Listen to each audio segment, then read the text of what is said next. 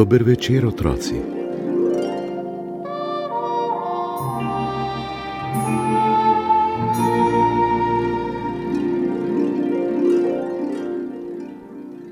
Nekoč nekje je bilo majhno mesto. Ni bilo nič posebnega. Bilo je čisto navadno kot toliko drugih mest. Tudi njegovi prebivalci niso bili nič posebnega.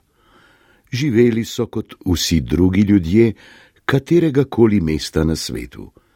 Ne ravno bogati, pa tudi ne revni. Niso delali ne preveč in ne premalo. In vendar so imeli posebnost. Eno samo, a dovolj veliko, da jih je ločila od prebivalcev vseh drugih mest.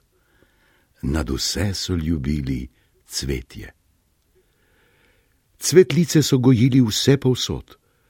Poganjale so iz cvetličnih lončkov, iz starih pločevink, iz lesenih zabojčkov in iz jogurtovih kozarcev.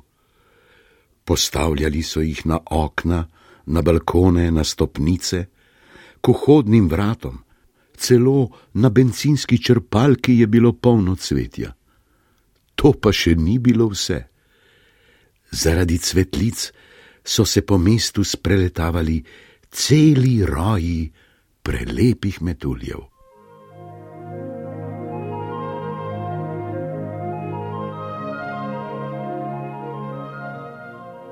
Nič čudnega, da v tem mestu tudi deževni dnevi niso bili nikoli pusti in dolgočasni. Čudovite barve cvetja so žarele skozi koprene dežja, med sivimi zidovi hiš pa so letali rumeni, rdeči in sinje modri metulji. Celo noči niso bile nikoli čisto temne, kaj ti prebivalci so sanjali prelepe barvne sanje, ki so se kot sijoči metulji v letu dvigale nad strehe hiš in razsvetljevale nebo nad njimi.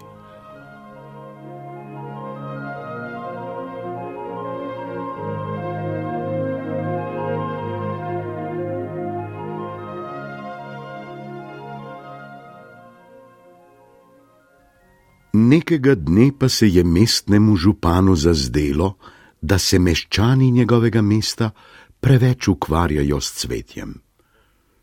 Spoštovani so meščani, jim je rekel, s cvetjem zapravljate preveč časa. Zato ne moremo nikoli skleniti nič zares pomembnega. Že zdavnaj bi bili morali zgraditi modernejše hiše in trgovine večje tovarne in nove ceste. Tudi otroci bi se morali bolj pridno učiti. Zaradi nekoristnega ubadanja s cvetjem smo zamudili vse napredne in koristne stvari tega sveta. Tega ne morem več dopustiti. Od danes naprej je cvetje strogo prepovedano. Prepovedani so tudi metulji. Sanje, pa so sploh popolnoma nepotrebne. Tako je župan čez noč prepovedal gojiti cvetje. Povsod, v parkih, v pisarnah, na okenskih policah, v avli pošte in na benzinski črpalki. Svojim stražarjem je ukazal, naj z mrežami polovijo živopisane metulje, ki so letali po mestu. Potem je organiziral ogromen prevoz, kakršnega dotlej še niso nikoli videli. Iz mesta so drug za drugim vozili tovornjaki, do vrha natovorjeni s cvetjem, čebulicami, grmičjem in izruvanimi drevesi. Tudi mentulje, zaprte v steklene posode, so odpeljali v neznano. Niti enega samega ni bilo več videti. Cvetje, čebulice in drevesa so posadili daleč zunaj mesta in okrog nasada se zidali visok zid. Tam so bili skriti tudi metulji, zaprti v steklene posode. Ta ograjeni, nesrečni kraj so prebivalci mesta na tihem imenovali pokopališče sanj.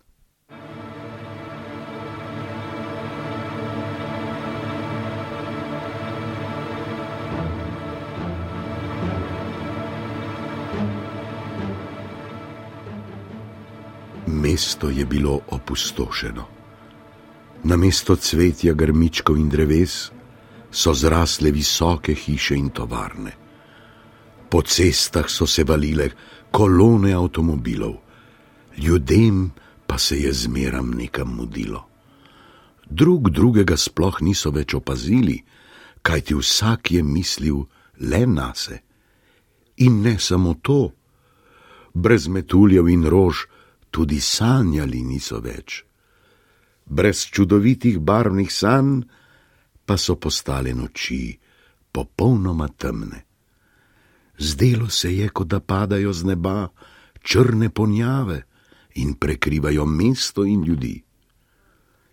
Naše mesto je postalo tako pusto in dolgočasno, so govorili otroci, in v mestu sploh ni bilo več slišati veselega otroškega smeha in tekanja in igranja.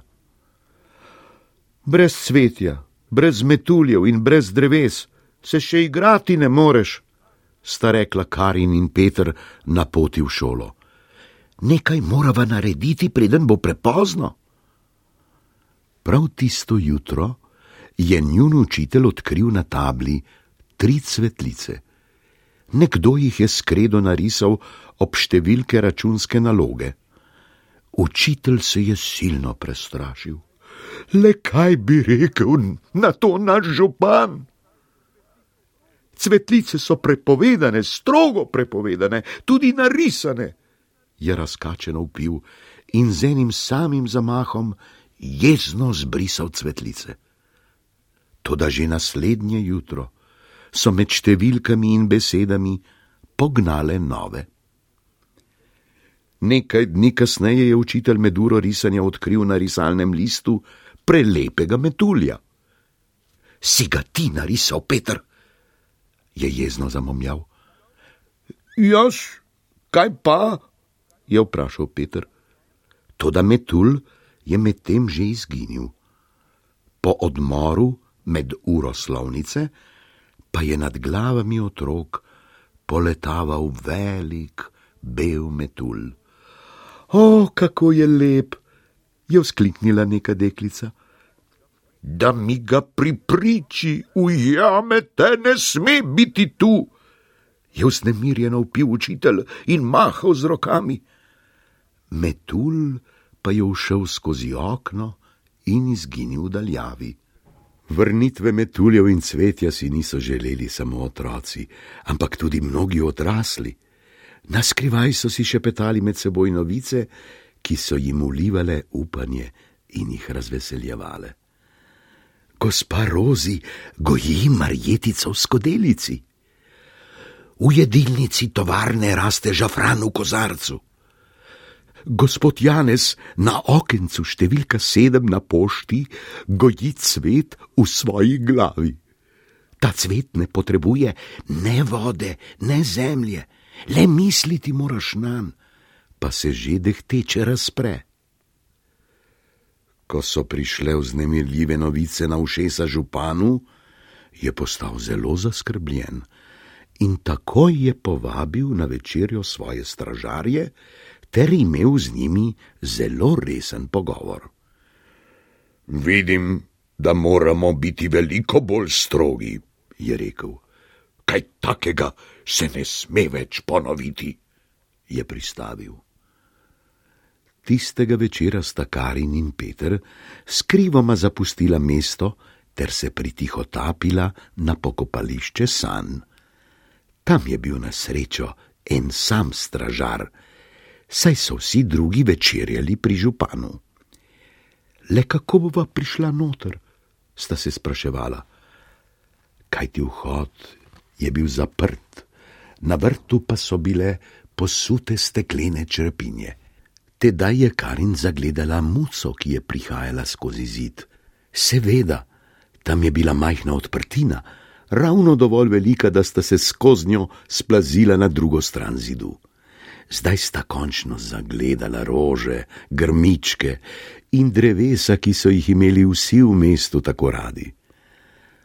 Kako nepremični so in tihi, je rekla Karin, kot da so iz voska. Poglej, pa vseeno še zmeraj živijo, je ganjeno dodal Peter in pokazal na pravkar rojeni popek. Peter, to sploh ni pokopališče, to je pravi pravcati vrt san, je zašepetala Karin. Oh, ko bi ga le lahko odnesla nazaj v mesto. Za zidom sta našla steklene posode z metulji. Peter je pobral kamen in razbil vsa stekla, da so lahko metulji svobodno poleteli v zrak. Teda je nad njima zapihal viharni veter in v daljavi sta zaslišala grmenje nevihte. Vrniti se morava, je rekla Karin in stekla sta nazaj proti domu. Za njima je v vrt san privršala nevihta. Razrahljala je visoki zid, da je zaječal in popustil. Z vrtinci vetra je pulila grmičke, cvetje in drevesa in jih odnašala daleč, daleč, vse do oblakov. Veter je ponesel oblake nad mesto in iz njih se je ulilo. Deževalo je in deževalo, z dežjem pa so padala na žejno zemljo tudi semena cvetlic.